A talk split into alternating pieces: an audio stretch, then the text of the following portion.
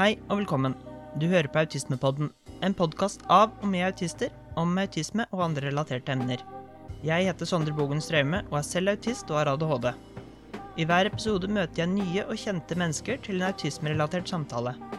Vårt mål er å spre relevant og faglig korrekt kunnskap om autisme, samtidig som at vi ivaretar autistens stemme og perspektiv. Derfor vil våre gjester være alt fra autister og fagpersoner til pårørende. Takk for at du lytter, og jeg håper at du setter pris på podkasten.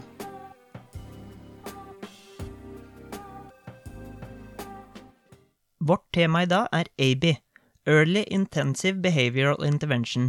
På norsk tidlig og intensiv atferdsanalytisk behandling. Er en tidlig og intensiv intervensjon basert på atferdsanalytiske prinsipper. Målet med ABI er å lære autisten teknikker og ferdigheter som kan bidra til bedre livskvalitet gjennom økt selvstendighet og generelt funksjonsnivå. De senere åra har ABI mottatt en del kritikk fra autister i og utenfor nevrodiversitetsbevegelsen. Det blir hevdet at intervensjonen f.eks. kan gi PTSD, og at en stor del av behandlingen går ut på å tvinge autisten til å kamuflere sine autistiske trekk, som stimming eller ignorere ubehagsfølelser. I septemberutgaven av Tidsskrift for Norsk Psykologforening skrev jeg et debattinnlegg til forsvar for behandlingen. AB bedrer autisters livskvalitet, het innlegget. Denne episoden er en oppfølging til temaet AB. Derfor er vår gjest i dag Svein Eikseth, professor i psykologi ved Institutt for atferdsvitenskap ved Oslo OsloMet. Og vi skal snakke om Aby og hans studie. Velkommen. Takk skal du ha. Tusen takk for at jeg fikk komme. Takk det samme. Aby er som jeg sa innledningsvis et tema som de siste åra har blitt en, del, blitt en del kontroverser og misforståelser rundt. Derfor syns jeg det er viktig å lage en episode om det. Og da, som, alle, som i alle andre episoder, begynner jeg med det som kanskje er det vanskeligste spørsmålet. Hvem er du? Ja, det var det. Som du hører på dialekten, i hvert fall, så kommer jeg fra Vestlandet. Oppvokst eh, på et sted som heter Sandane, lite sted. I det som tidligere het eh, Sogn og Fjordane fylke, som nå er Vestland fylke. Og Der eh, vokste jeg opp, og så var jeg ferdig på videregående. Så flytta jeg fra Sandane eh, og til eh, Asker. Jobba tid på Dikemark sykehus. Alltid vært interessert i, i helsevesen og senere psykologi. Og så forsvant jeg i militæret. Og så begynte jeg på psykologi og studerte det. Tok en grunnfag der. Og så begynte jeg på noe som heter, heter Oslo vernepleierhøgskole. Og ble vernepleier. Eh, så det var på en måte min tidlige bakgrunn. Ja, og hva er din historie innen autismefeltet? Eller sagt på en annen måte, hva var det som gjorde at du ble interessert i nettopp autisme? Ja, den er litt uh, kronglete. og ikke så veldig kort.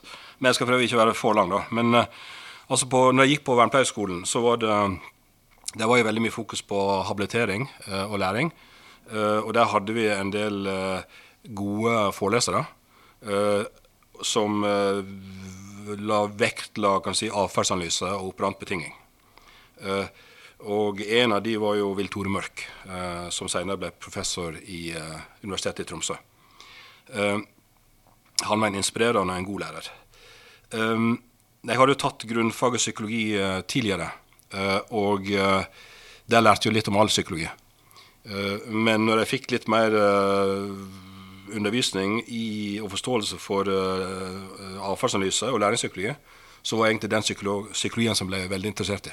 Så jeg på en måte forsto godt og syntes at det kunne være eh, bra både i behandling, men òg i forhold til å forstå eh, menneskelig atferd. Eh, så da var si, interessen vekk, da. Og så var det sånn at på den tiden der, den som var kommet lengst i verden, kan du si, da, på bruk av atferdsanalyse og, og operant læringspsykologi i forhold til menneskelige menneske og barn, det var da Løvaas. Ivar Løvaas, som er en norsk-amerikaner. Uh, og han var da professor uh, på UCLA, altså University of California Los Angeles. Uh, og lang historie kort. jeg la så mye av det han hadde skrevet, og var kjempeinteressert. Og, og drømmen min var jo å komme dit og studere. så Eh, etter litt frem og tilbake så fikk jeg eh, invitert til å komme over til Los Angeles eh, og studere hos, hos Løvaas. og det ble til en lang vei. Det skulle egentlig være bare et år, men så, ja, så ble det til jeg var ferdig med doktorgraden og, og litt, litt, til. Um, han og Løvaas og kona Nina ble etter hvert en, en, del av en sånn utvida familie for meg. Så tok veldig godt vare på meg mens jeg var der borte. I løpet av den tida som jeg studerte i USA, så fikk jeg òg anledning til å dra til noe som heter University of Kansas. Uh, og Der var det en uh, professor som heter Donald Bear, og jeg fikk han som veileder. Og han er jo en av de som er, mest kjente innenfor avfallsanalyse, og, ansett som en av grunnleggerne for, for avfallsanalyse. Så vi ber og Løvaas som veiledere, så hadde jeg jo veldig, veldig gode lærere. nå var det sånn at Løvaas han jobba jo med barn med autisme. Eh, og etter hvert som jeg jobba med barn med autisme, eh, så ble jo på en måte interessen for etismefeltet vekt. Eh, og etter hvert så ble det mer og mer fokus på ja, hvordan, hvorfor blir barna som de er, hvordan har de det, og hva kan vi gjøre for å hjelpe dem. så det ble mer og mer fokus på, på um, kan si, autismepopulasjon istedenfor eh, si, psykologi, psykologi, psykologifeltet, som egentlig det begynte med. Så i løpet av en lang eh, karriere, 40 år ca., så har jeg fått uh, gleden av å treffe nå helt sikkert uh, mange tusen personer med autisme. Uh, og noen har jeg jobba med over en periode på mange år. Og det i seg sjøl er veldig interessant og givende og lærende. Og, og ja lært mye av det. Eh, og noen har fulgt faktisk så lenge som kanskje 20 år, og kanskje lenger. Så mesteparten av det jeg har lært av, eh, det har jeg lært av eh, personer med autisme, foreldrene deres og nærpersonene. Og jeg lærer noe nytt hver uke av, av den, disse flotte personene. Og det er også gjennom den praksisen som har fått ideer til forskning og forskningsnettverk og, og sånne ting. Så det har vært veldig, veldig viktig. Så det er min, min bakgrunn. Løvaas var jo en av pionerene som var med å utvikle AB sin tid, stemmer ikke det? Ja, det er riktig. Mm, det, er, det, er, akkurat det som er riktig. Og det skjedde akkurat den perioden når jeg var der borte, så jeg var veldig heldig sånn sett. Ja, absolutt heldig. Um, så vi kom jo inn på AB og sånt litt senere, så da spør jeg deg heller, hva er det du driver med nå for tida? Mm. Du nevnte tidligere at jeg, jobba på Oslo OsloMet eh, som professor i psykologi. Eh, og der eh, driver jeg mye med forskning. Eh, og studentveiledning og undervisning. Eh, jeg er veldig heldig, så jeg har masse, masse ja, i hvert fall flere veldig intelligente og hardtarbeidende og dyktige studenter på ulike nivåer. Både stipendiater, altså doktorgradsstipendiater, og masterstudenter og bachelorstudenter som hjelper og bidrar med forskningsprosjekter. Uh, og noen av det kommer vi sikkert til å komme inn på litt mer uh, seinere òg. I tillegg så jobber jeg òg en del uh, klinisk både med barn og unge og, og voksne. Og som jeg nevnte tidligere, mye av det på en måte er utgangspunktet i forhold til å få ideer i forhold til viktige prosjekter i forhold til forskning. Så i den siste tida så har jeg egentlig begynt å jobbe en del år med voksne personer eh, som ikke har eh, kognitive eller språklige utfordringer. Eh, og, og, mange av de, de har jo si, gått gjennom, er godt voksne. Noen er, er ja, alt fra voksne til godt voksne. Og gått gjennom livet og hatt mange utfordringer. Aldri egentlig helt blitt forstått av hjelpeapparatet. Eh, og endte opp med å få mange forskjellige eh, tilleggsdiagnoser og tilleggsvansker. Eh, som kanskje har oppstått fordi at de ikke har fått forståelse og hjelp tidlig nok. Så har det livet etter hvert blitt mer og mer vanskelig, og det har resultert i flere og flere vansker. Så noe, noe av det jeg gjør der, da, det er å hjelpe til å finne ut om de har en autisme-asperger-diagnose. Eh, og da hjelper det til å forstå hva det innebærer. Og det gjør jeg ofte allerede, for det, er ofte lest mye om det allerede, og kan det. Så egentlig det å få diagnosen er en lettelse. uh, for de. Uh, fordi at de er ganske sikre på at det er der skoen trykker mest. Og så hjelper det til å strukturere livet, legge opp livet, sånn at de klarer seg best mulig og har altså, minst mulig vansker. Så kan jeg si fokus på å jobbe med voksne sånn, og barn, det er jo det at med voksne så er det mer eh, Med barn så er det veldig mye eh, fokus på habilitering. Og hjelpe barna til å bli flinke, flinke til å snakke eller å leke og være sosiale og sånne ting. Mens den voksne gruppa som jeg nevner nå, der er det mer fokus på at eh, de får vite hva som er, er utgangspunktet for vanskene, og så hjelper det til å mestre kanskje hverdagen. Så en litt annen type, type fokus. Og det er viktig at en at en ikke bruker én hammer og én spiker for, for, alle, men at du liksom kan tilrettelegge ettersom behov de ulike gruppene har. Så har jeg et spørsmål.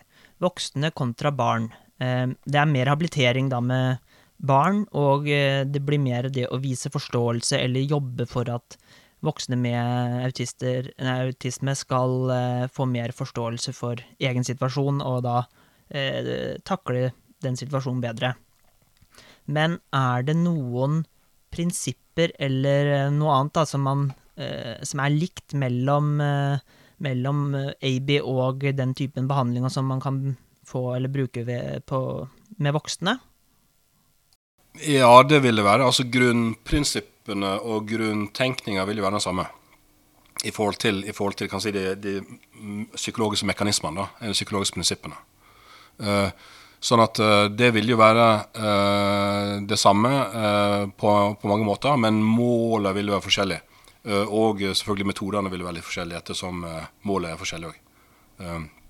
Men, men, absolutt, altså det, du bruker jo den tankegangen òg i forhold til, til de voksne. men der kan det kanskje være at en skal finne ut strategier for å unngå så det, det som i hvert fall jeg opplever ofte, det er jo at de voksne er veldig plaga av visse ting som, som er veldig vanskelig. Visse stimuli. Og det, det, er typisk to ting. Det kan være sosiale stimuli, og så kan det være sensoriske stimuli. og, og altså det kan være noe så enkelt som å gå i en familiemiddag. det kan være veldig utfordrende og veldig slitsomt og veldig energitappende for mange. Ikke alle, men for mange. eller å, å, å høre visse lyder Uh, på jobben f.eks. sitte i et uh, åpent kontorlandskap uh, og, og, bli bombardert for visse auditive eller visuelle lysstimuli kan være veldig utfordrende. og Da tenker vi ofte at da tenker vi at vi skal, vi skal finne måter som en kan unngå å redusere den typen stimulering på. Så, så, så, ja, sånn at prinsippet er jo ofte mye det samme. Og du nevnte jo det med åpne kontorlandskap. Men et annet godt eksempel er jo moderne bibliotek før så var det sånn at den skulle være stille på biblioteka, og dermed var det et sted som var mer tilgjengelig for folk med sensoriske vansker. Men eh, sånn som det er blitt i dag, er det dessverre slik at biblioteket bibliotek er et kulturhus. Biblioteket i Tønsberg er etter min mening et slikt eh, støyete bibliotek. Det er ikke egna til å være bibliotek sånn som det er i dag, spør du meg. Det er et høyt støynivå. Det kommer fra kafeen hvor folk sitter og skravler og ungene løper rundt i barneavdelingen i andre etasje, og for så vidt i resten av biblioteket også. Alle etasjene er knytta sammen, og det er ingen vegger, så det blir fort et stort problem når du har sensoriske vansker. Eh, det er selvfølgelig mange andre eksempler på sånne steder som er vanskelige. Skole er jo et veldig godt, spør du meg.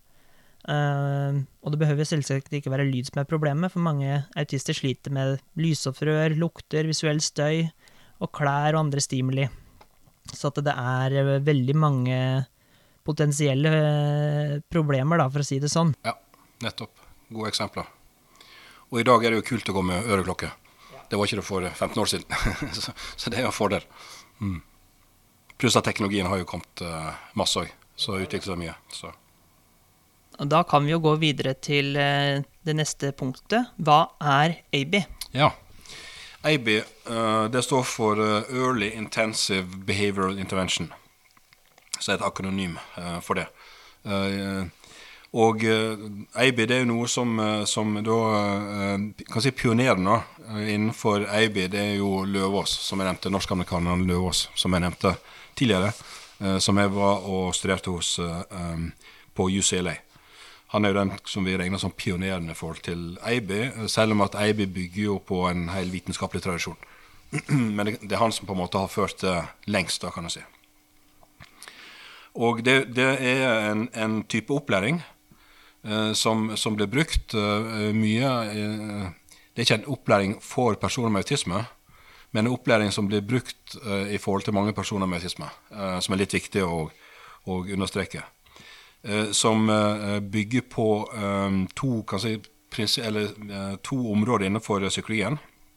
Det ene er læringspsykologi, avstandsanalyser, og det andre er utviklingspsykologi. Uh, og det en gjør, er at en bruker uh, kunnskaper uh, fra atferdsanalysen til å lage effektive opplæringsprogrammer. og så bruker vi kunnskaper innenfor fra, fra utviklingspsykologien til å, å, finne ut hva er det viktig å, å jobbe med for, for barna. Hva er, det, hva er viktige si, utviklingsmessige milepæler eller, eller ferdigheter. da, som barnet uh, ikke har, uh, eller trenger hjelp til å utvikle, eller har delvis. Uh, og, og, er, og, hvilken rekkefølge skal en arbeide med disse milepælene. og Der bruker vi da kunnskap fra utviklingspsykologi. Um, og så er det det at en annen ting, Den tredje viktige tingen er egentlig at det er også individuelt tilrettelagt. sånn at det er barnet sine spesielle behov. da Eh, som, eh, som eh, bestemmer hva er, vi, hva er målene vi skal trene på, arbeide med. sånn at, at, det blir si, tilpassa det gitte barnet sine, sine spesifikke behov. Uh, og Det som vi ofte jobber, området vi som regel jobber med, det er jo innenfor språk og kommunikasjon. Uh, de fleste barn med autisme har vansker med språk og kommunikasjon. Noen kan være helt språkløse, uh, mens andre kan ha et relativt godt språk. Og da kan det kanskje være vansker med den sosiale delen av, av språket. Det vi ofte kaller pragmatisk uh, kommunikasjon. Uh, og så er det sånn at mange barn med autisme har vansker med lek. og, eller kanskje leker leke på en veldig sånn stereotyp måte, sånn selvstimulerende måte. Uh, og da vil vi uh, prøve å hjelpe barnet til å leke mer funksjonelt. Uh, sånn i forhold til mer på en sånn måte som andre barn leker. Fordi at Hvis at barnet leker litt mer sånn som andre barn, så vil det lettere få til en samhandling og samspill med, med andre barn òg. Men da, som du sier, det å leke mer likt andre barn og klare å leke mer med andre barn, hvilke følger for det holdt jeg på å si, videre i livet? Ja, det er et godt spørsmål. Altså det som er, for det at eh, en av, en, av, en av, definisjonene på autisme det er jo eh, kan si, mangelfulle eller nedsatt sosiale ferdigheter eh, eller sosial interesse. Så det med lek det har jo veldig mye med å etablere eller jobb, arbeide med å øke barnet sine sosiale ferdigheter. Eh, hva skal de si til de andre barna, eh, og hvordan leker en, og hvordan samarbeider en. Og, og, og, observere andre barn og se hva de gjør, og så gjøre det samme, samme tingen sjøl. Så det er egentlig det sosiale samspillet da, som, som, er viktig, som en, en, jobber med egentlig i lek. Og det er jo for vanlige barn òg. Så er det jo sånn at lek er jo eh, veldig mye det å lære seg et så, sosialt samspill og det å samarbeide med andre. Um, den målgruppa som vi, som vi, jobber med, det er jo barn og, og, og forskolebarn. Da. Så vi ønsker jo at vi starter så, så tidlig som mulig eh, etter barna har fått diagnosen. Eh, og vi ønsker også at barna skal få diagnose så, så tidlig som mulig. Eh, eh det som vi gjør videre eh, når en begynner med en sånn eh, type EIB, det er at vi etablerer eller lager et team som, som består av foreldrene og en, ja, to-tre eh, pedagoger, trenere, assistenter, eh, og så en veileder. Eh, som kan veilede eh, pedagogene, assistentene og foreldrene.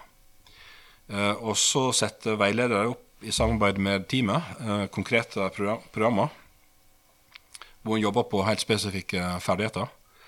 Uh, innenfor, innenfor, de områdene som jeg nevnte, f.eks. lek, uh, sosialt samspill, uh, kommunikasjon uh, osv.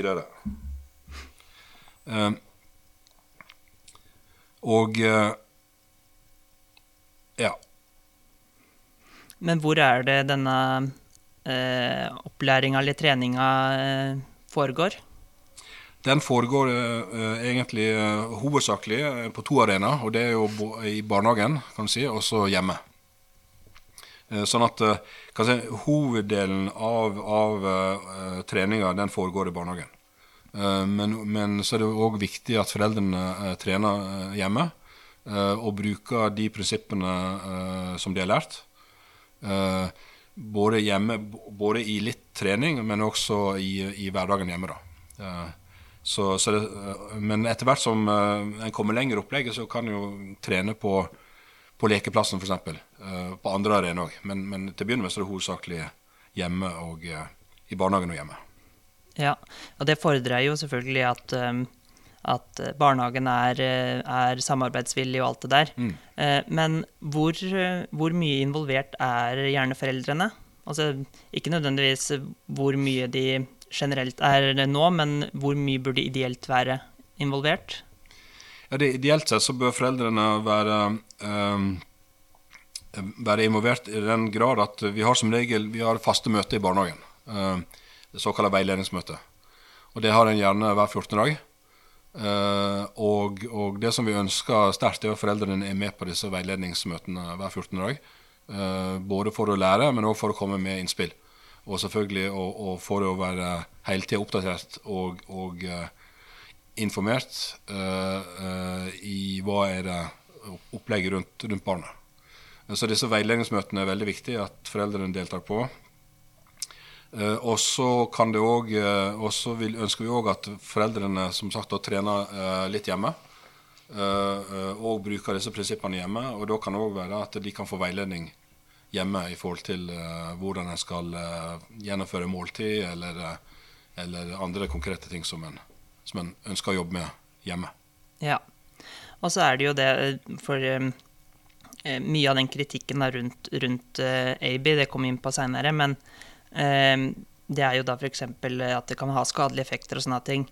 Hvor mye underveis er det man vurderer eh, hvorvidt eh, da barn har positive eller negative eh, ja, reaksjoner på, på Abien, mm. og da eventuelt om man vurderer å kutte det ut til fordel for noe annet? Ja. Det som vi gjør uh, altså det, det, For det første så Premisset bak spørsmålet er kanskje litt litt feil. da, fordi at, at jeg eh, tenker at Jeg vet at noen hevder det men, det, men det er ikke noe, noe, noe, som tyder på at AIBI kan være skadelig, i, i prinsippet. Men uansett, med all behandling eller opplæring skal jo gis på en ordentlig måte og, og være forsiktig. og det skal vurdere, vurderes underveis om opplegget er bra eller optimalt for, for barnet. så disse, disse møtene som jeg snakker om, som er hver 14. dag, der vil en helt klart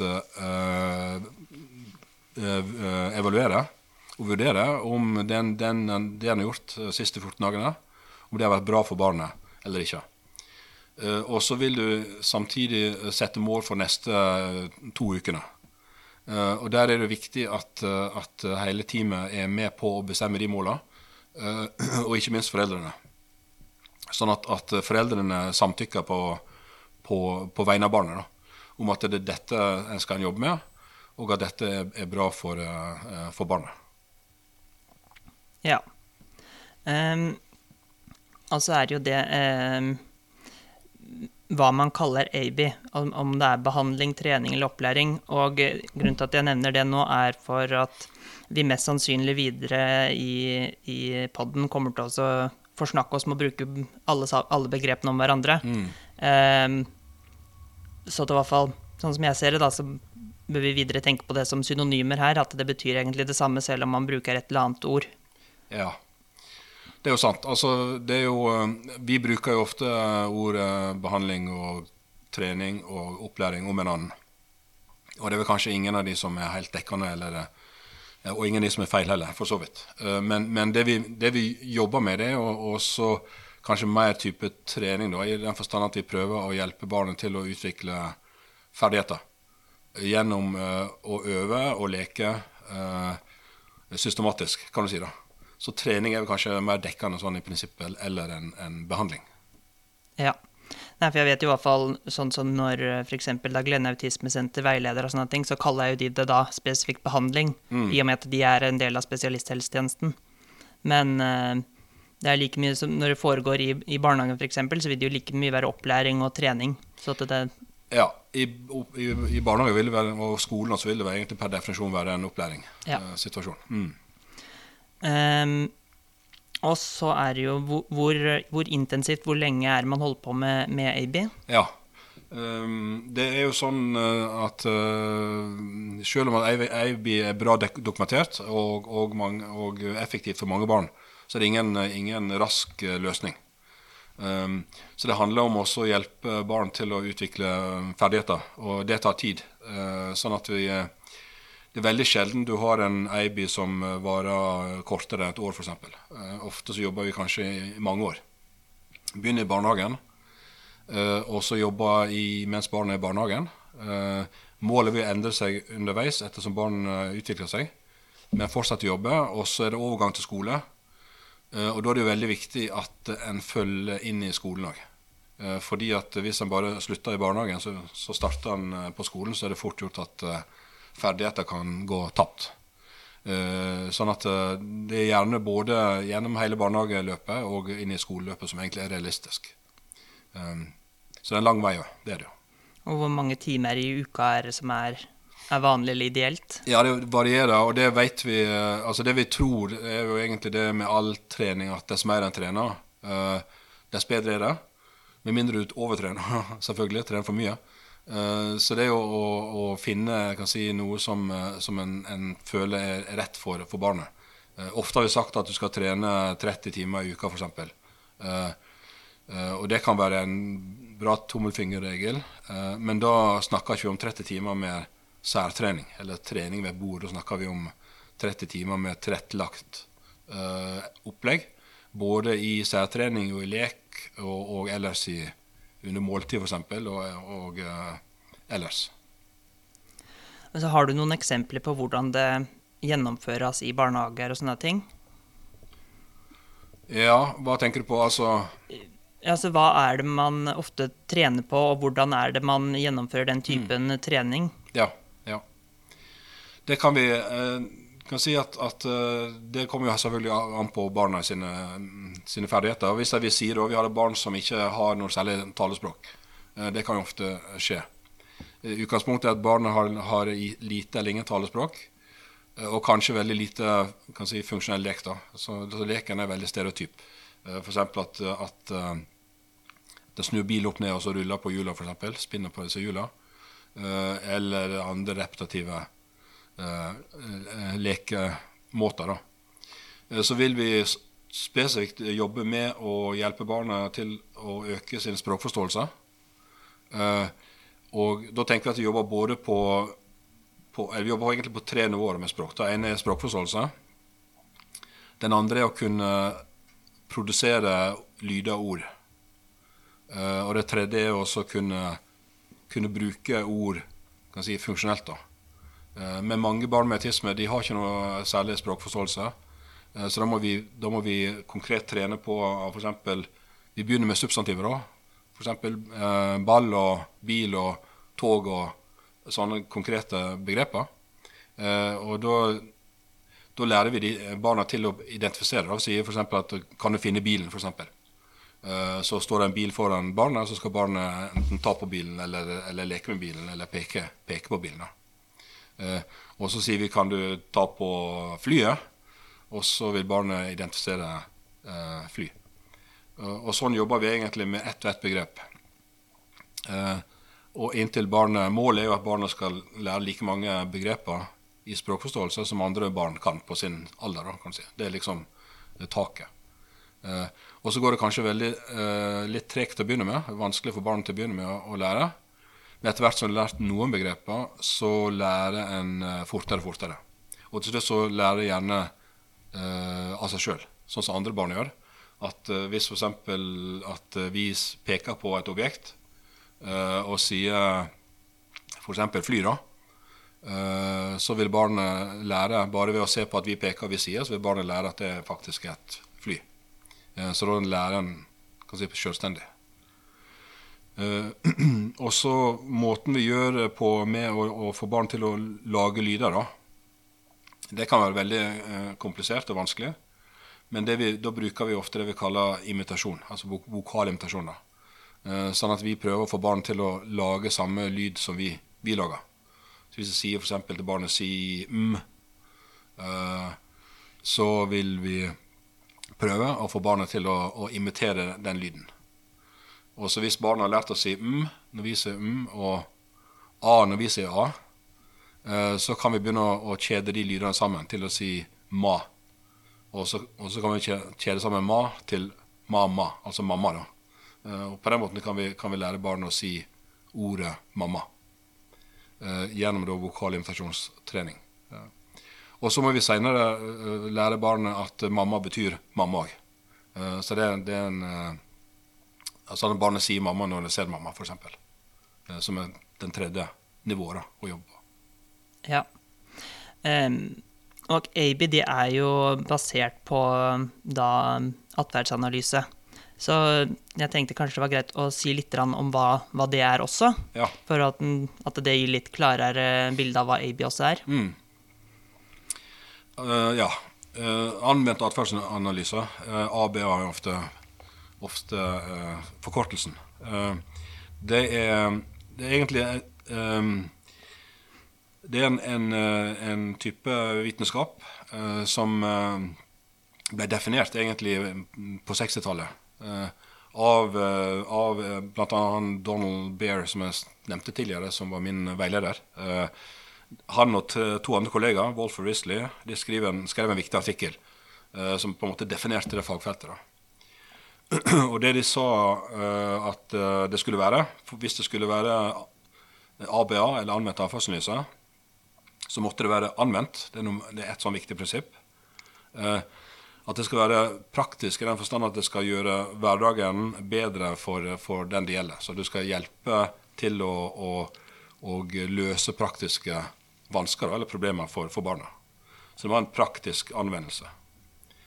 Eh, en annen sånn viktig ting innenfor ABA da, er at vi jobber med atferd.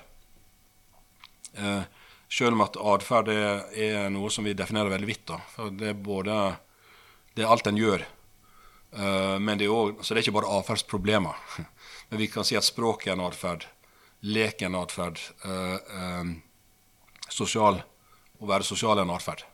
Eh, men vi, vi spesifiserer sånn at vi kan beskrive det på et atferdsnivå.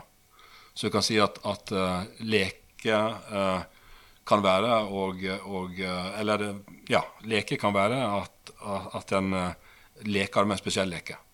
Og det er det som er den atferden som eventuelt en jobber med. Eh, og så må det være en Det, det er nesten kalt analytisk. At det skal være en sånn, Vi skal se etter, etter relas funksjonelle relasjoner, altså årsak-virkning, eh, mellom det som vi, læreren gjør, og det som barnet gjør.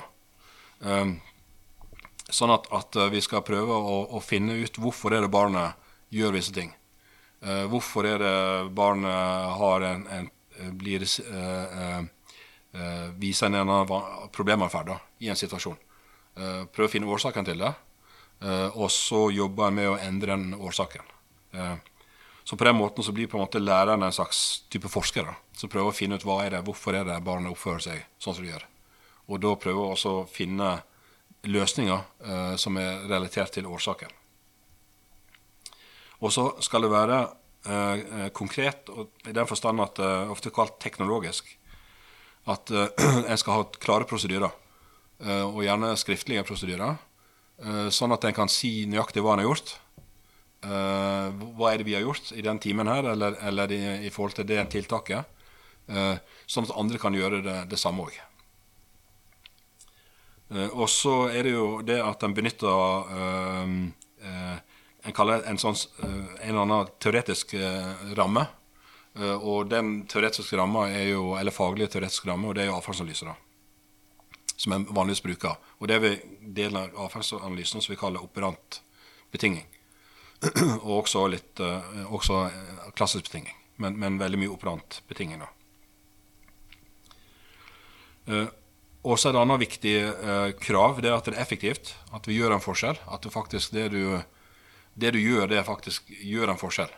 Eh, fordi at eh, en tenker en skal ikke gjøre ting eh, Sette barna ut i en annen opplæringssituasjon hvis en ikke har hjelp til hjelp for barna. Så ikke bare gjøre noe for å gjøre, men du må vise at det gjør en forskjell. Og så er det det at den endringa som en får, da, forhåpentligvis, det må være varig. Sånn at det må opprettholde seg over tid. Så det er sånne viktige si, prinsipper som en tenker som, som definerer det vi kaller ABA, eller anvendt avfallsanalyse. Ja.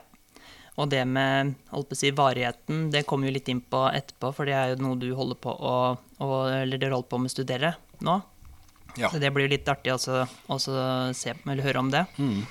Eh, og så som sagt, tidligere så kom vi jo litt inn på eh, skal vi nå litt inn på det med kritikken av AB og ABBA. Mm. Eh, og en av de Eh, tekstene som jeg har brukt da, når jeg har satt meg inn i det her nå, er en eh, masteroppgave som heter da 'Kritikken av behaviorismen'. En atferdsanalytiker og en kritiker sine oppfatninger om atferdsanalysens tilnærming til vitenskap. hvor da eh, en av de tinga som kritikeren der sier, er at han forstår ikke når han prøver å lese da atferdsanalytisk forskning, og sånne ting, forstår han ikke ordentlig hva det er, fordi at det er så mye tekniske begreper som er vanskelig å forstå. Ja. Og eh, grunnen til at jeg sier det, er fordi at det er jo veldig mange eh, ting som man kan enten si at det er misforståelser og sånne ting mm. rundt atferdsanalyse.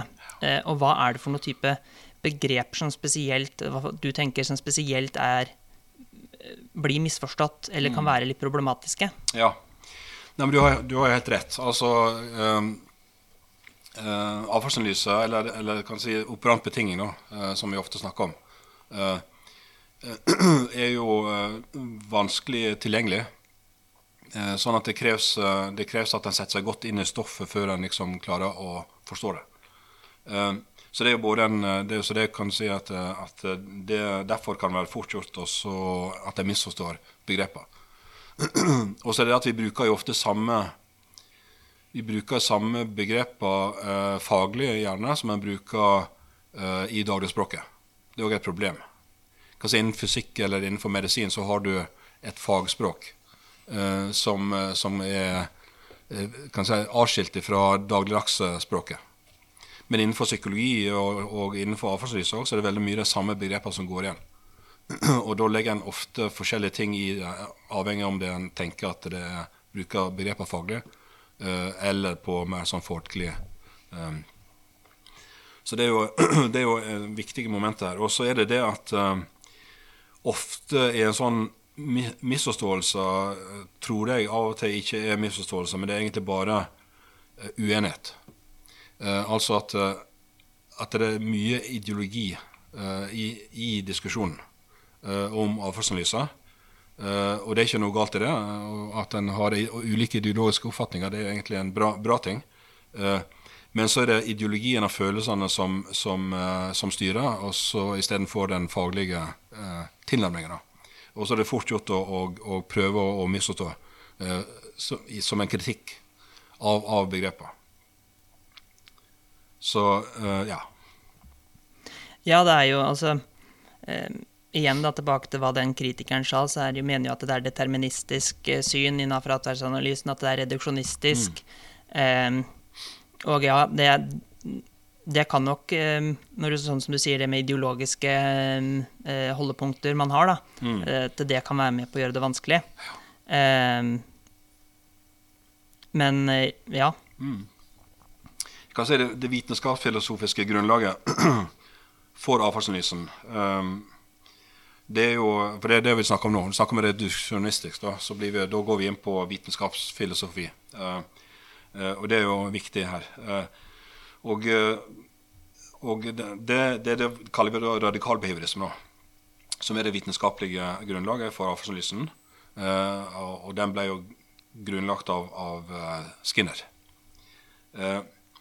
Og så må vi se litt på hva han, hva han sa, da. og Skinner han var jo veldig eksplisitt på at, at psykologien, eller han kalte det gjerne for atferdsvitenskapen, det er en autonom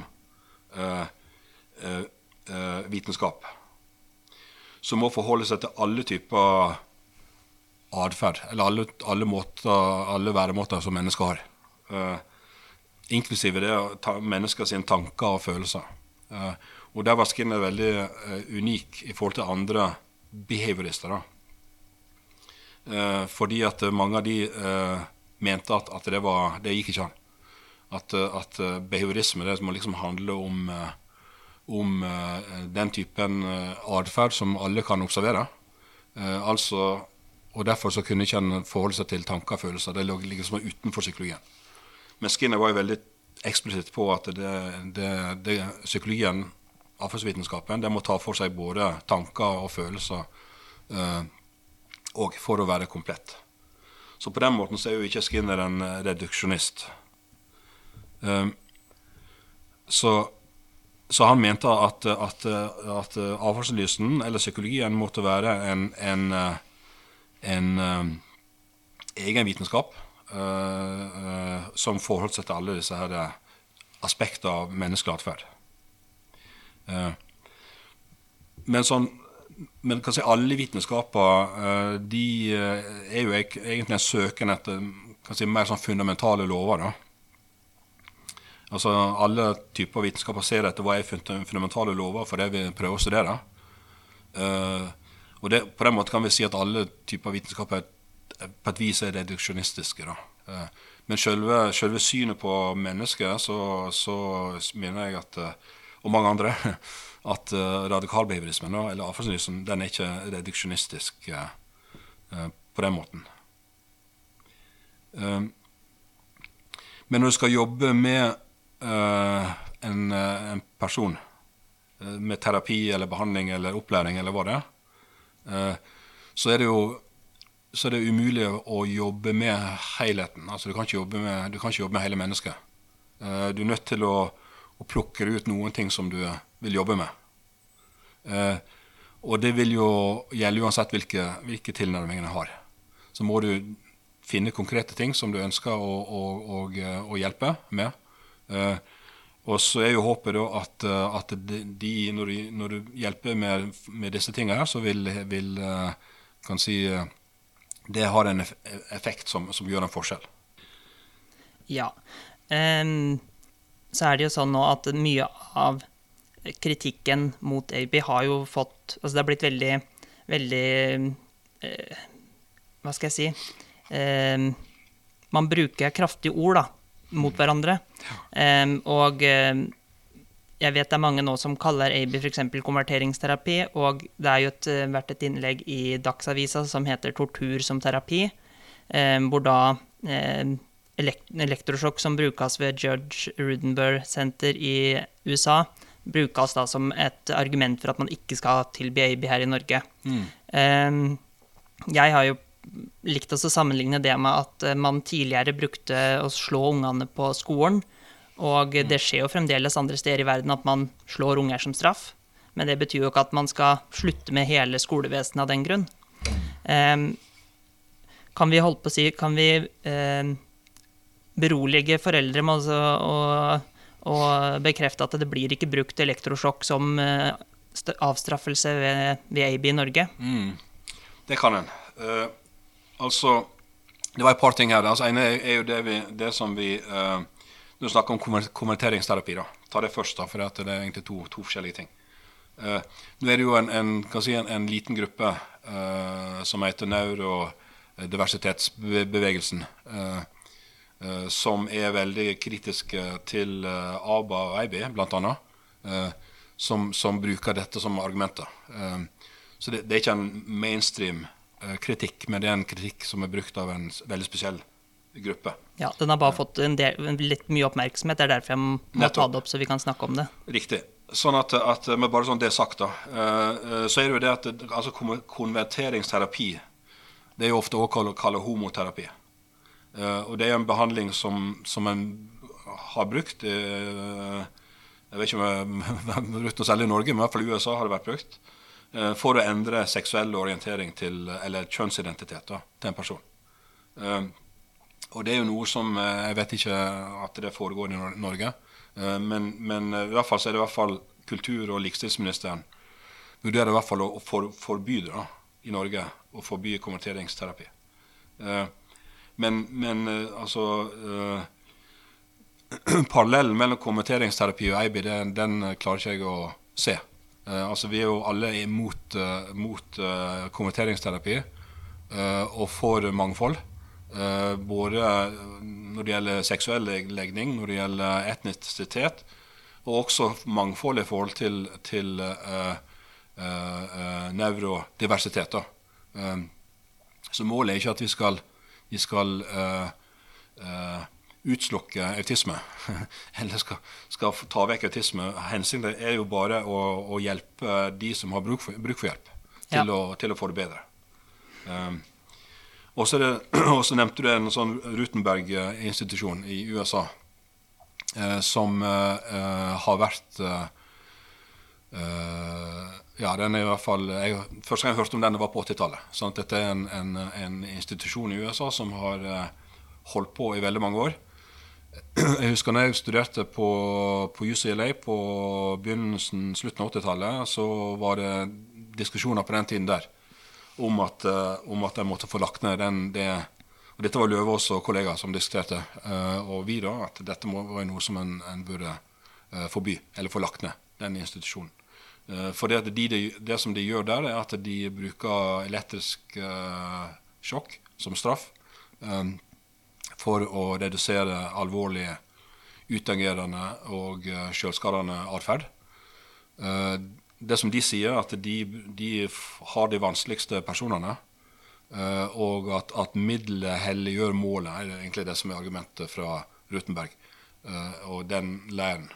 mens det som jeg ville hevde, er at, eh, at eh, det er visse middel som ikke vil heller gjøre et mål. Altså at den typen uh, bruk av prosedyrer er egentlig uansett er ikke akseptable. Og at det nesten helt sikkert finnes alternativer. Uh, så det er jo noe som, som, som jeg er sterkt imot, og som, som jeg tror at, at, at, Eller vet at det er jo noe som egentlig blir brukt bare på dette senteret på veldig Eh, på veldig få steder. Da. Eh, Det er ikke noe som på en måte atferdsanalysen eller, eller radikal-behaviorismen er for. Uh, Skinner for eksempel, som nevntes det, han var jo veldig eksplisitt på at vi måtte ha samfunn hvor straff ikke var benytta. Så det var en av de tingene som han, han oppla, vektla i sin filosofi. Ja. Um, og det som, sånn som du sa med konverteringsterapi, da, den, den parallellen mellom, eh, mellom, konverteringsterapi for homofile og sånn eh, en del bruker det nå, eller enkelte bruker det nå om AB, jeg heller klarer ikke å se den, den, eh, den sammenligninga. Jeg har møtt mange med, som har fått AB når de var små, og ikke har hatt noe synlige skadeeffekter av det, og til og med sier at de syns det var moro, og de likte å, å, å delta i det. Um, og det er jo Selvfølgelig vil det i absolutt alle typer behandling være noen som får en negativ følge av behandlinga, eller at den har negative konsekvenser.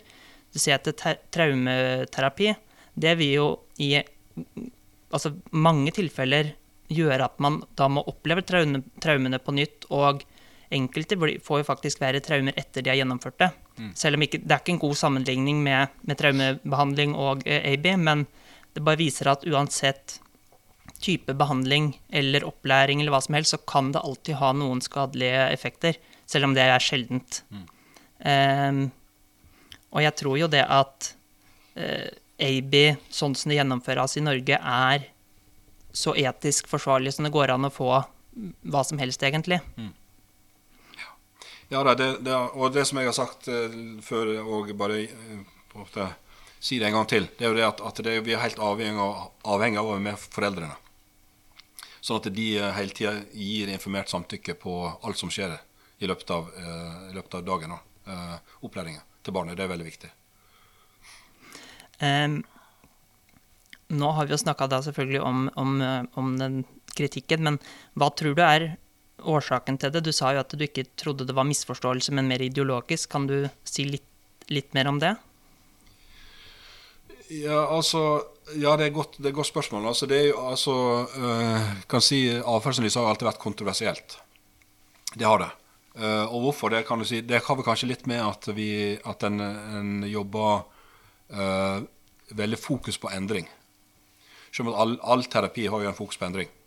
Uh, men, men, det som vi jobber med innenfor avfallsanalyse, det er jo endring av atferd som, som vi operasjonelt definerer. Da. Det er helt spesifikke ting som jeg kanskje prøver å endre på. som kan være én årsak til det. Uh, vi jobber ikke for å redusere kan si, altså Målet er ikke å redusere aggresjon, f.eks. Eh, det, er det er selvfølgelig et overordnet mål. Men målet i trening eller i, i, behandling eller opplæring, det er også å få barnet til kanskje å slutte å slå, uh, slutte å kaste uh, osv. Så uh, sånn at det blir veldig konkret. Og det kan ha noe med, kanskje med det å gjøre. Uh, selvfølgelig Målet er jo også å endre atferden til barna så mye at vi kan si at ja, nå er barnet mindre aggressivt. Uh, uh, men det er jo bare en sånn sekkebetegnelse. Uh, pluss at når vi sier at barnet er aggressivt, så legger vi egentlig tillegger barnet en egenskap som, som en innenfor avfallslysen tenker at det ikke har. fordi at barnet gjør aggressiv atferd av en grunn. og den grunnen er rasjonell. og da skal vi finne måter sånn at barnet ikke trenger å gjøre aggressiv atferd lenger. Eh, så det er jo én ting. Og en annen ting er at vi, vi, vi, bruker jo belønning. Forsterkning, som det heter på fagspråket. Altså en, kan si en eh, type laga motivasjon. Sånn at konkret hvis han jobber med å redusere at barnet slår, f.eks., så vil, vi, vil, barnet på en eller annen måte kunne oppnå belønning for å la være å slå. eller gjøre noe alternativt. En, en alternativ atferd. Uh, Eh, sånn at det, det bruk av belønning, eller forsterker, som vi ofte kaller det, òg eh, er jo eh, kan si, en, en, type måte å jobbe på som, som mange syns er lite tiltalende. Da. Så det er nok òg en del av, av, av grunnene. Og så er det det med, med, straff, som vi har vært litt inne på. Uh, og at, at uh, um, Eh, vi eh, har jobba veldig mye uten å bruke straffeprosedyrer, eh, fordi at det er det som er best, mest effektivt. Og så har vi en annen måte å snakke om straff på. for Når vi snakker om straff, så snakker vi om en annen konsekvens som gjør at atferden synker. Men straff i kulturelt um, uh, har en annen betydning, da, i, i altså det begrepet uh, straff. Uh, sånn at det blir to forskjellige ting. Men, men, det har jo vært brukt tidligere, så var det jo mye mer typ, forskjellige typer metoder som jeg kan tegne som straff. Det kunne være f.eks. at du fikk time-out. Så hvis, at du, hvis at du gjorde en negativ atferd, så måtte du sitte på en stol i, i 30 sekunder, f.eks. Som ville være en, en type en type eh, metode som vi vil kalle straff. Fordi at det er, det er en konsekvens. Det å måtte sette barnet på en stol.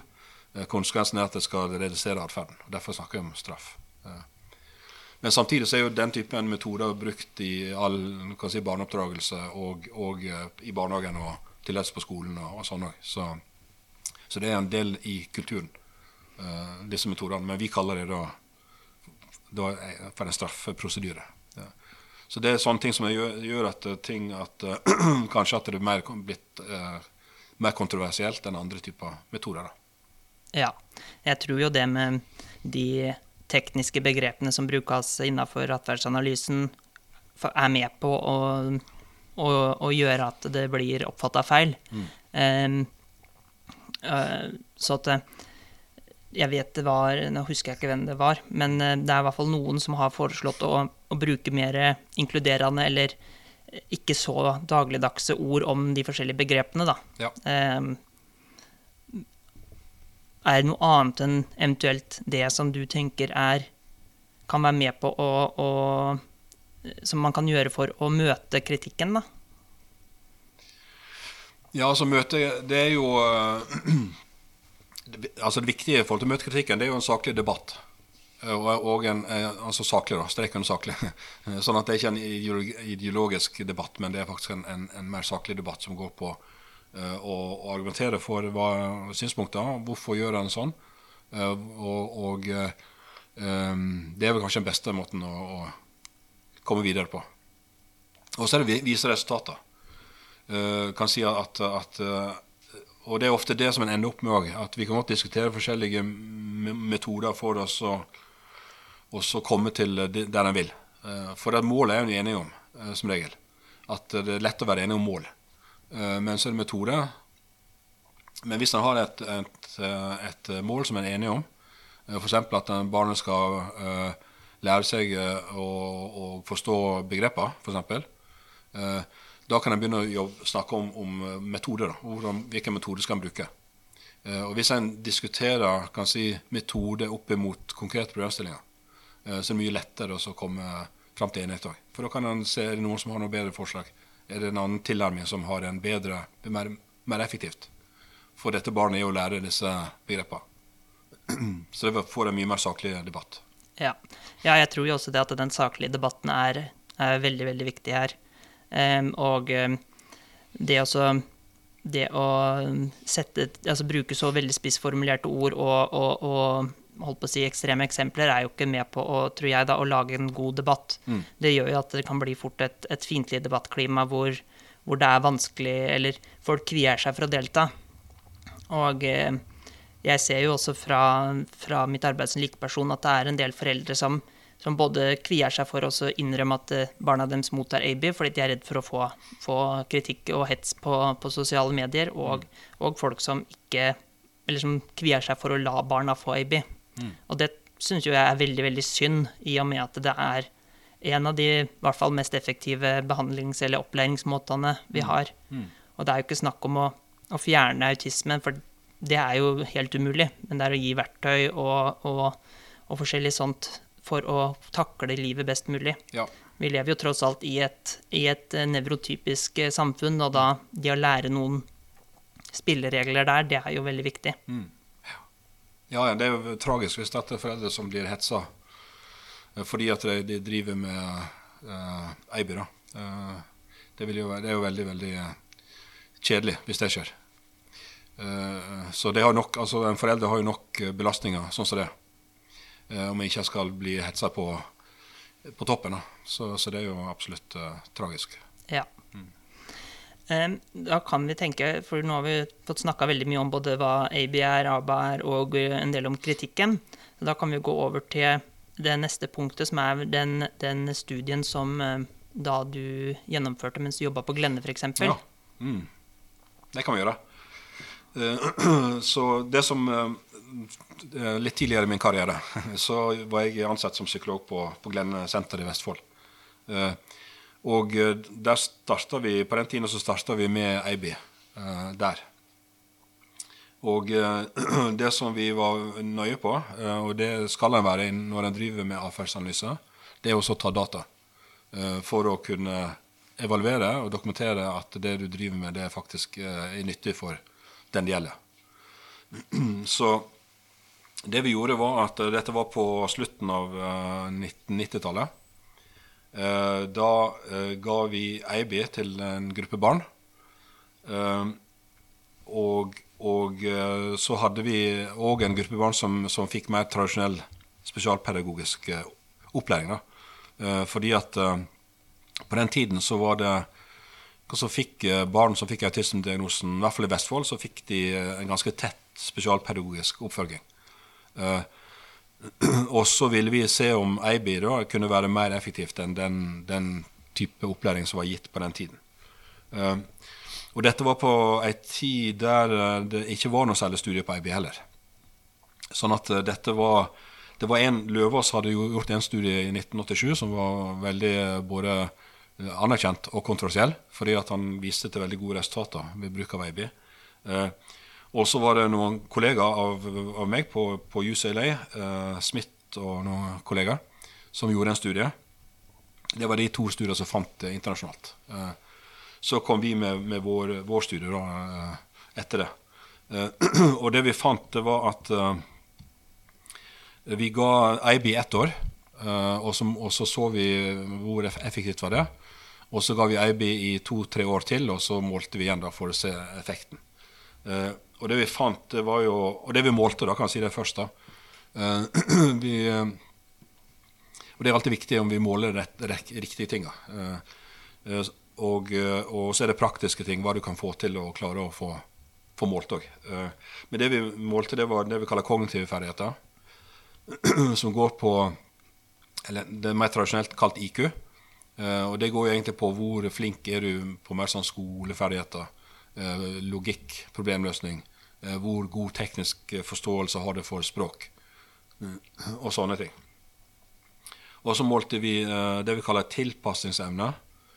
Adaptiv atferd kaller den på, og på fagspråket. Og det handler om ikke hva du kan, men hvordan du fungerer. da, Hvordan du klarer deg. Og da er det disse viktige områdene innenfor adaptiv atferd det er språk og kommunikasjon. Så der måler det hvordan, hvor godt klarer du å kommunisere og bruke språket i dagliglivet. Så det var én ting vi så på. En annen ting var sosiale ferdigheter. Uh, altså hvordan klarte du, klarer du deg sosialt i dagliglivet? Uh, har du venner? Uh, klarer du deg i, i, i, ute i samfunnet? hvor, hvor gode, gode sosiale ferdigheter har du for å kunne klare deg? Og så var det det vi kaller dagliglivets ferdigheter. som handler om om du klarer å kle på deg sjøl og spise sjøl og, og, og, dusje sjøl og, og sånn, det sånn praktiske ting. da. Så det var en annen ting som vi, vi målte. Adaptive ferdigheter. Og så målte vi òg mer sånn psykologiske eh, ting. Og som vi så på aggresjon, f.eks. Og litt på det sosiale ferdigheter. Og, og, sånne ting. Og det vi fant, var jo det at disse barna som fikk IB, de gjorde faktisk bedre enn de som fikk det mer tradisjonelle opplegget. I den forstand at de klarte seg bedre kognitivt. Og de hadde mye uh, større uh, også til, altså adaptive ferdigheter. Uh, hadde økt mer. og så hadde de færre kan si, atferdsproblemer. Så det var ganske klare forskjeller på, på de to gruppene. og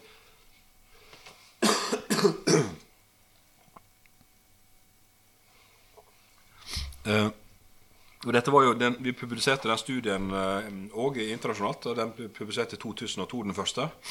Og den andre vi, vi testa litt seinere, det var 2007. Så det vi kunne si, det var at disse barna uh, når det var, Vi starta behandlingen da var sånn opplæring når de var sånn fire, fem, seks år gamle.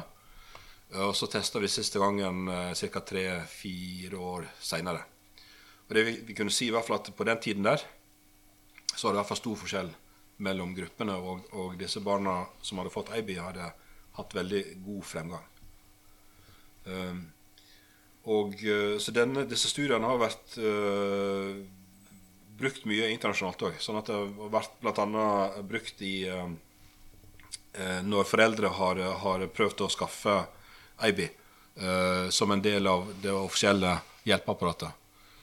eller de har prøvd å få til USA, så er det snakk om hvem skal betale, om, det, om, om, eh, om forsikringsselskapene skal betale for IB eller ikke. Og da har disse studiene vært brukt gjerne i retts, rettssaker uh, som støtte for at barn med autisme skal få, få, tilgang på AB, eller, eller, at de skal få det betalt. da. Så, så ja. Så det var egentlig de første studiene vi gjorde. Ja, Og da har jeg forstått det riktig at du Eh, at dere nå vil se på de langtidsresultatene av, av AB. Ja. Mm. Eh, holdt på å si, Hva er målet med den nye, nye studien da? Ja, Det er fordi at, at eh, det som eh, mangler, blant annet altså en, en veldig berettiga kritikk av AB, det er jo det at det ikke fins noe data på hvordan det går med barn som har fått AB når de blir voksne. Og det, det, det fins faktisk ikke data på ennå. Så det som vi, Og det er vi selvfølgelig veldig enige og veldig ønsker å prøve å bidra da, til den kunnskapen. Eh, så det vi håper eh, nå, eller det vi planlegger nå, da, og fått kommet i gang med planlegginga, godt i gang med planlegginga, det er jo også kommet i kontakt med de samme personene som vi hadde et opplegg for når de var små. da. Og så undersøke de, og så se hvordan det går med de. For å se nettopp om, om, om kan si at de, hvordan det går med de i, når de kommer til voksen alder. Har de har de fortsatt utviklet seg bra? Har de hatt uh, tilbakegang? Uh, har de vedlikeholdt de ferdighetene og, som, som, de hadde? Så Den effekten vi hadde når det var etter en to-tre år i behandling, kan si den vedlikeholdt i, i voksen alder. Uh, og det er jo selvfølgelig viktig å kunne vite noe om det. for hvis det er noe som bare er bra en stund, så er ikke det så viktig som at det er noe som kan vise at det har effekt over tid. da. Nei. Um, er det noe Holdt på å si Er det noen andre aspekter enn en det du nevnte nå, som dere vil se på? Ja, vi prøver, altså, vi prøver å eh, se på så mye vi kan. Um, men vi vet jo det at uh, det å drive forskning det er jo en sånn praktiske ting òg. For vi vil jo gjerne teste, teste alt mulig rart. Eh, men så vet vi det at, eh, at, dette er jo noe som en, eh, vi er helt avhengig av at, at, de er villige til å stille opp, de det gjelder. Og vi gjør det være mest mulig skånsomt i forhold til de da. Og ikke utsette de for, for mye. Så det er et sånt kompromiss som vi må finne. Og det vi gjør, er at vi, vi gjør en, en, noen sånn formelle tester igjen. Og alle de som vi gjorde når de var små. Dette med kognitive ferdigheter vil vi teste en gang til. Og så vil vi teste se på adaptive ferdigheter. Hvordan de fungerer i dagliglivet, eh, som er, er, viktige ting. Eh, og så vil vi gjerne så har vi laga en spørreskjema eh, som går på mer sånn ting som hvilken utdannelse har en, hvilke sosiale nettverk har en, hvilke vansker har en i forhold til Har, du, har en fått kanskje tilleggsdiagnoser eller ikke? Hvilke type vansker opplever en nå som voksen? Uh, hva er bosituasjonen? Bor du hjemme, eller bor du uh, i egen bolig? Eller, uh, og, og, hvor mye hjelp får du i forhold til bosituasjonen, f.eks.? Klarer en seg sjøl, eller, eller, har en hjelp, bistand, i, i, i hjemmet? og hvilken type arbeid en har, hvis en har arbeid. så har en arbeid, og hvilken type arbeid en har. utdannelse og sånne ting. Så det er ting som vi er veldig opptatt av å kartlegge, fordi det betyr jo veldig mye. Og, og viktig å vite, vite om sånne ting òg. Ja.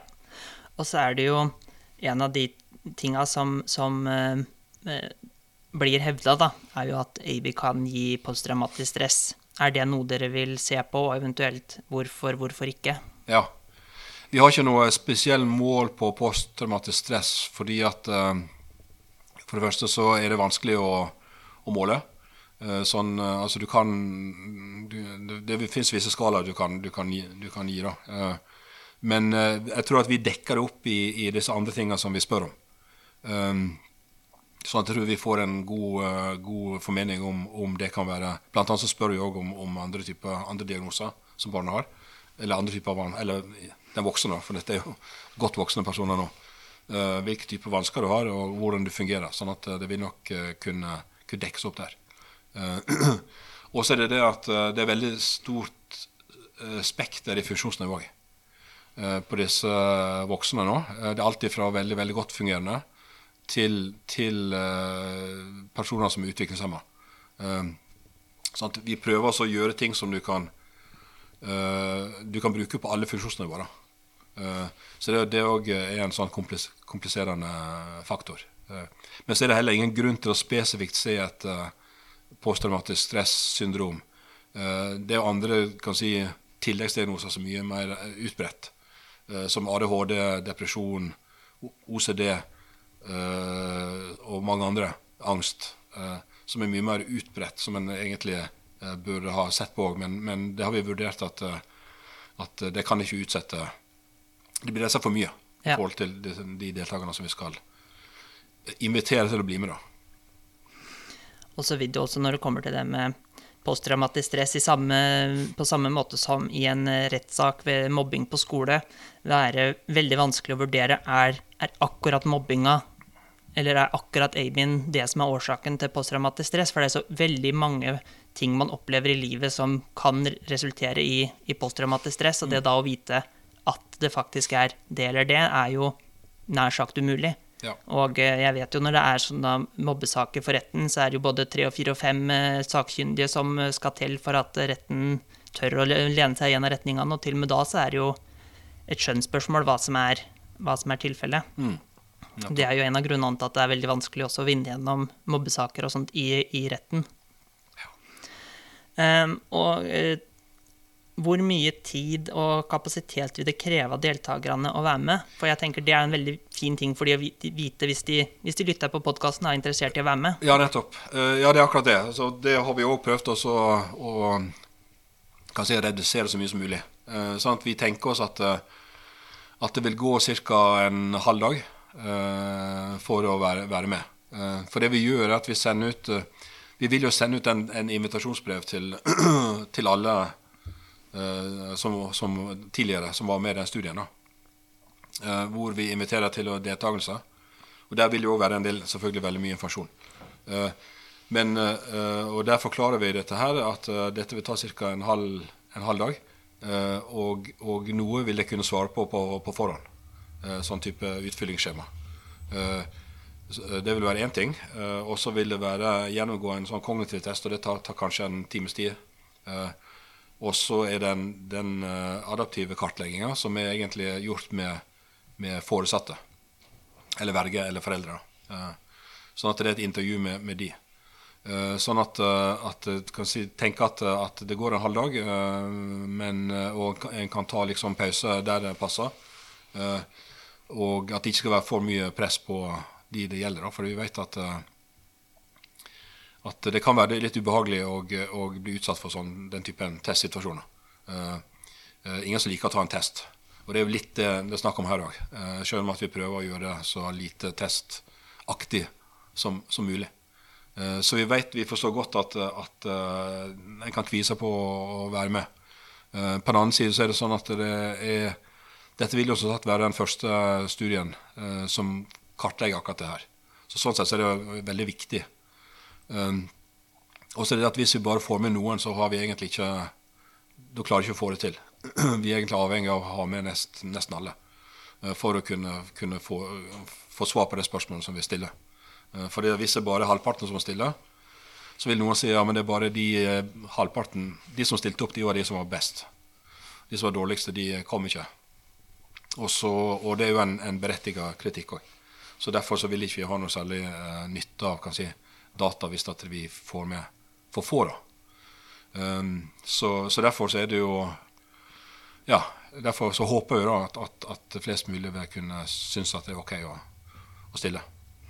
Ja, og nå er det jo eh, da om lag 20 år siden den første i 2002. Ja. Så at de, de, som deltok den gangen, kan jo være flytta til alle deler av Norge, egentlig. Så hvor er det den, her, eh, den halve dagen vil bli ja, gjennomført? Godt spørsmål. Ja det, ja, det som vi òg eh, sier, at vi drar Altså, vi tilbyr oss å komme hjem til eh, den det gjelder. Sånn, det er utgangspunktet. For det tror vi er, da blir terskelen litt lavere. Pluss at testen blir kanskje litt mer valid òg, når du liksom tester under mest mulig optimale betingelser. Jeg tenker at hjemme det er lettere å, å få det til å gjøre bra på en kognitiv test kanskje hjemme eller på et psykologkontor. Eh, sånn at vi, vi tilbyr oss å komme hjem, og hvis de ikke vil det, så kan vi òg eh, tilby oss også at de kan komme f.eks. til Glenne eller et, et sted da, hvor det, kan, hvor det kan, eh, kan, gjøres. Men i utgangspunktet tenker vi at det er kanskje best for de fleste at vi, vi kommer hjem. Ja, og det vil jo gjøre terskelen mye lavere òg. Mm. Um, Og så ja,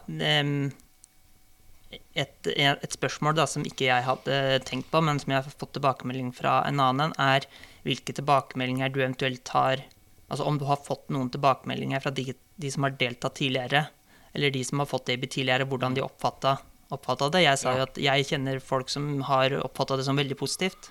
Ja. Har du noen Jeg har det. altså, Jeg har jo jobba nå ganske lenge. Eh, lang karriere her. Og, og eh, mange har jeg fulgt over veldig mange år òg. og det er ikke alle de som kan nødvendigvis eh, være i stand til å, å forklare i språk hva de har opplevd tidligere, men noen er jo det.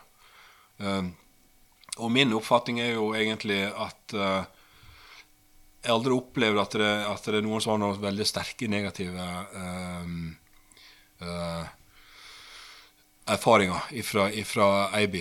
Um, flest, mange har ikke reflektert så mye rundt det, egentlig. Jeg tror kanskje de fleste har ikke tenkt noe særlig over det.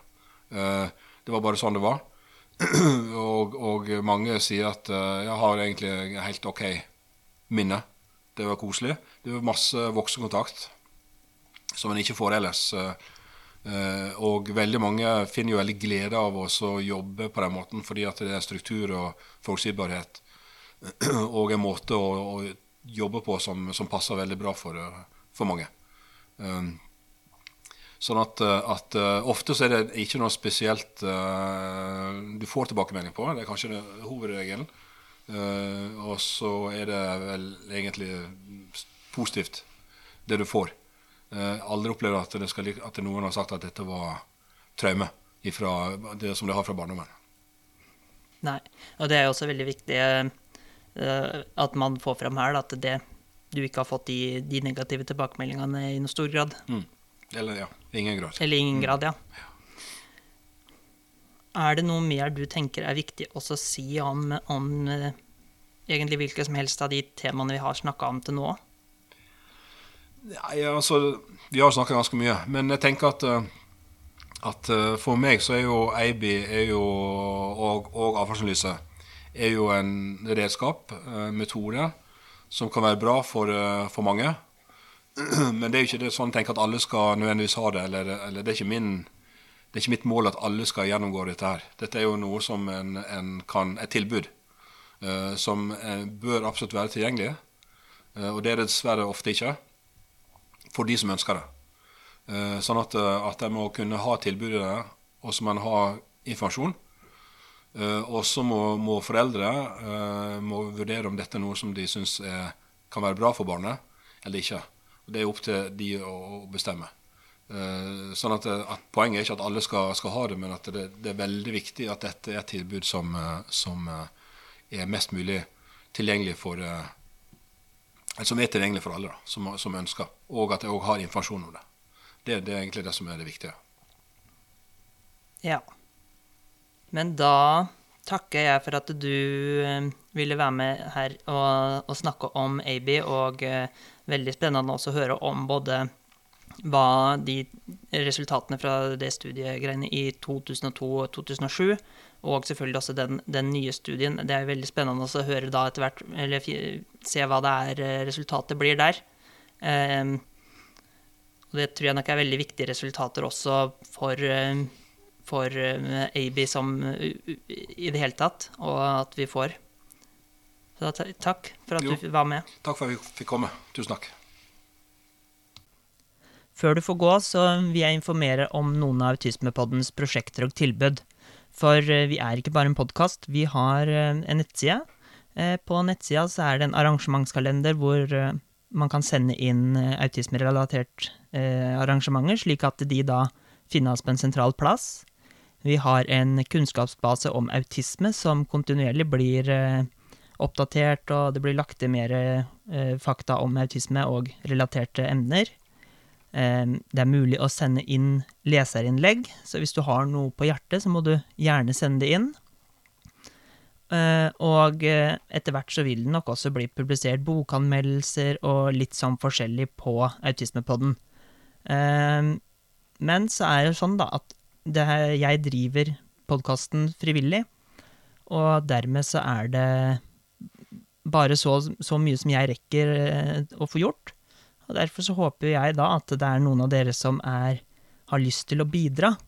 Så har dere, har dere leserinnlegg, har dere eh, skrevet noe fakta om en spesiell ting med autisme, eh, har dere arrangementer eller har dere bokanmeldelser da, så er det bare å sende inn. og eh, så publiserer vi da det som vi anser å ha god nok kvalitet eh, til å bli publisert. Eh, så takk for at du har hørt på podden, og håper du kommer tilbake igjen senere.